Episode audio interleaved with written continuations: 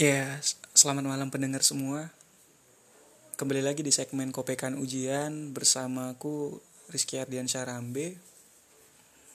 Kali ini aku coba ingin mengangkat tentang mencoba hal-hal baru. Ya, berhubung usia aku masih 22 saat ini,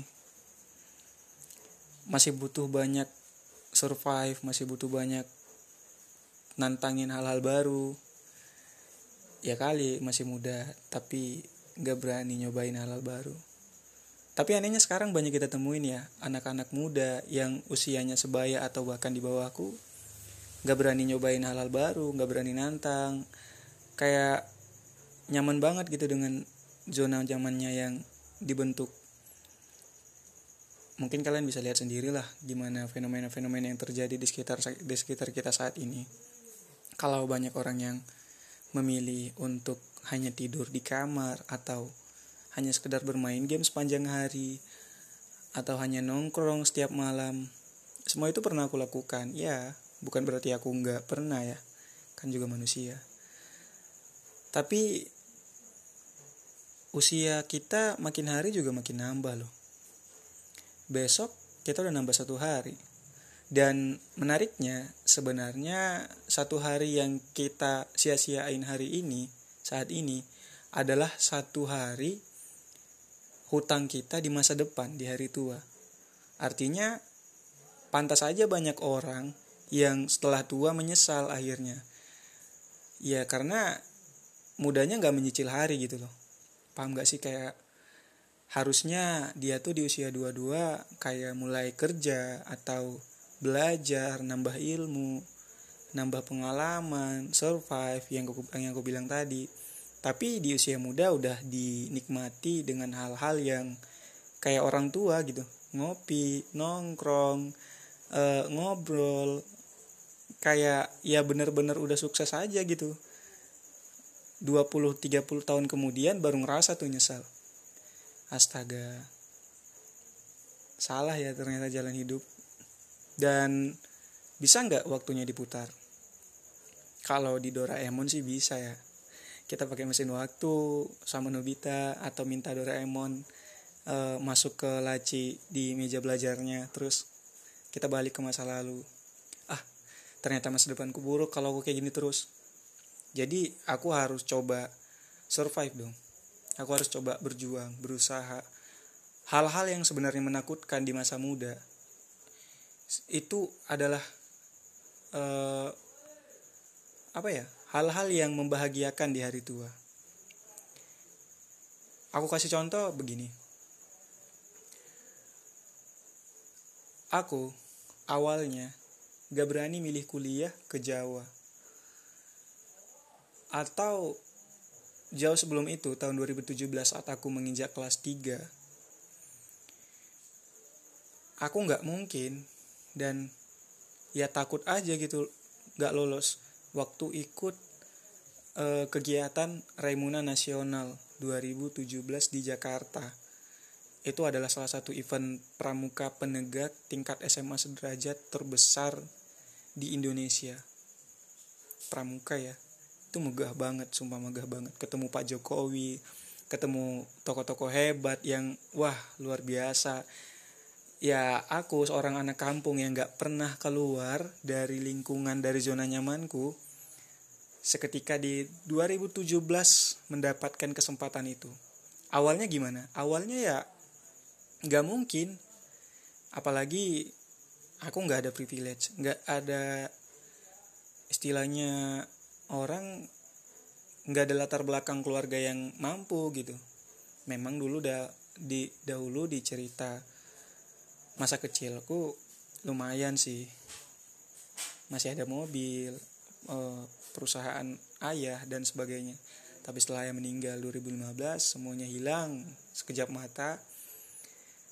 Bahkan sampai di titik yang se terpuruknya hingga saat ini.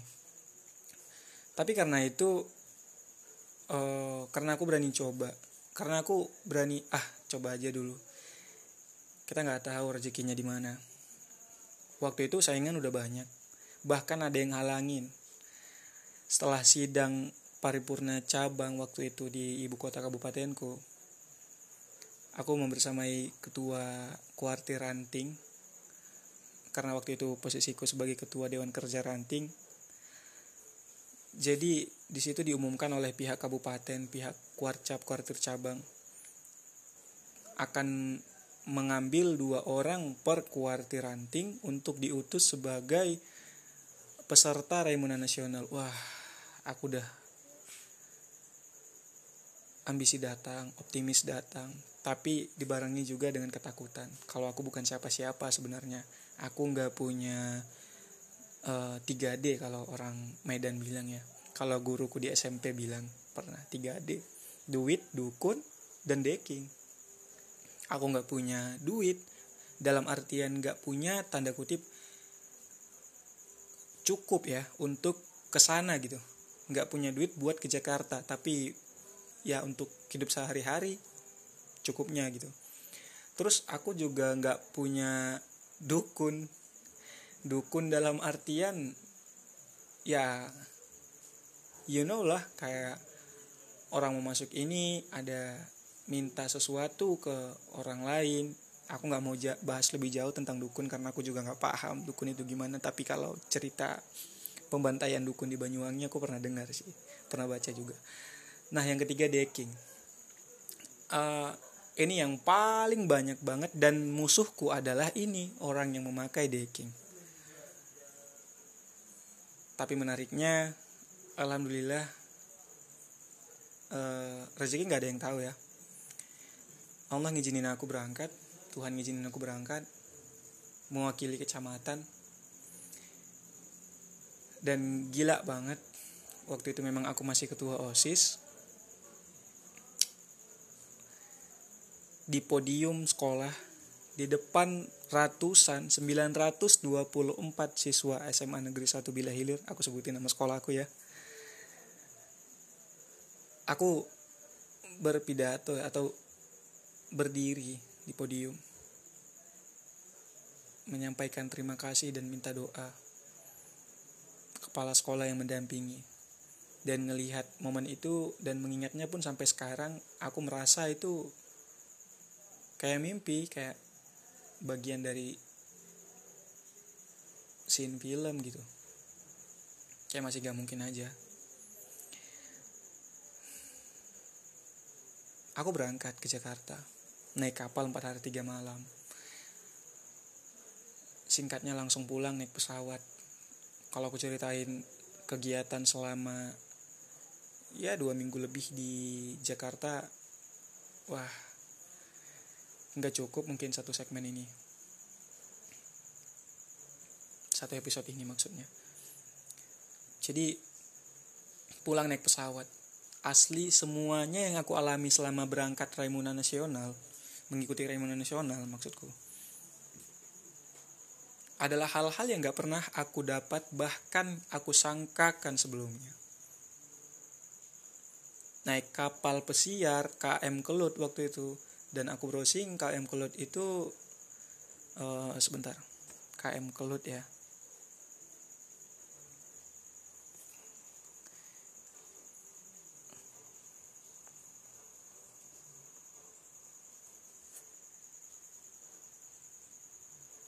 Nah, nih. KM Kelut merupakan kapal penumpang berkapasitas 2000 orang, sandar di Pelabuhan Tanjung Priuk setiap pekan KM Kulit memiliki kabin kelas 1, kelas 2 dan ekonomi, fasilitasnya nih.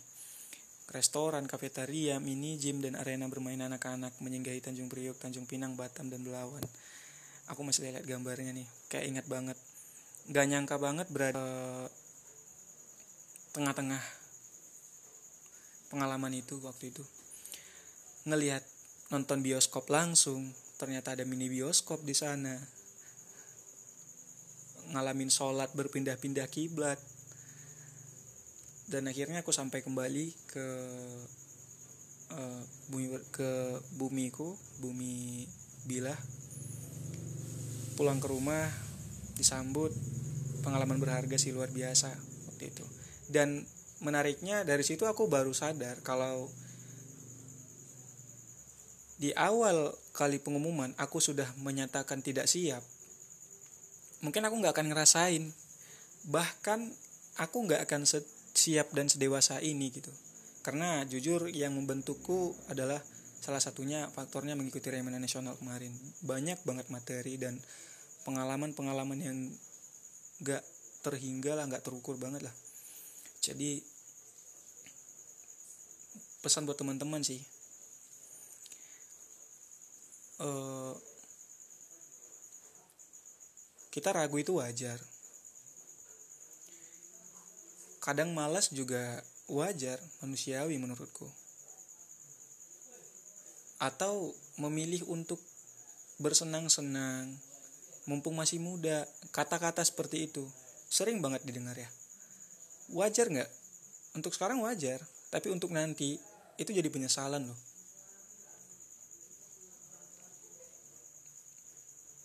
aku yang bicara sekarang juga belum sukses belum sebesar uh, idola-idolaku jadi ya aku juga lagi berjuang dan sekarang mengajak teman-teman siapa pun yang mendengar ini untuk ayolah kamu bisa. Semua manusia itu punya kesempatan yang sama sebenarnya. Kayak Tuhan itu membentangkan ini loh untuk mu ini untuk si B, si C, si D sampai seterusnya. Sama semuanya. Yang membedakan itu adalah ikhtiar kita, doa dan usaha. Jadi yang terpenting adalah yakini dulu diri sendiri. Kalau orang lain bisa, bukan kamu juga bisa, tapi kamu lebih bisa.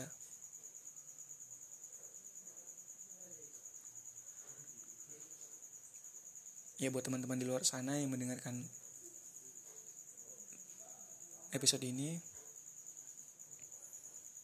aku hanya ingin banyak putra-putri bangsa dengan situasi negara atau tanah air yang seperti saat ini aku harap secerca harapan hadir di antara kita para putra-putri bangsa karena nantinya yang memimpin bangsa ini, yang membawa bangsa ini adalah kita. Nama bangsa ini di luar sana akan tercoreng atau tercentang karena kita. Kitalah tolak ukurnya. Satu pesan terakhirku yang aku tempelkan di meja mimpiku bahwa pendidikan adalah faktor penting penentu nasib bangsa. Bahwa pendidikan tidak bisa dijadikan sebagai hal-hal pendukung. Bahwa pendidikan adalah faktor utama kemajuan suatu bangsa. Karena pendidikan adalah tulang punggung bangsa. Terima kasih teman-teman yang mendengarkan podcast ini kita bisa diskusi yang mengenalku. Kita bisa diskusi kapan aja. Terima kasih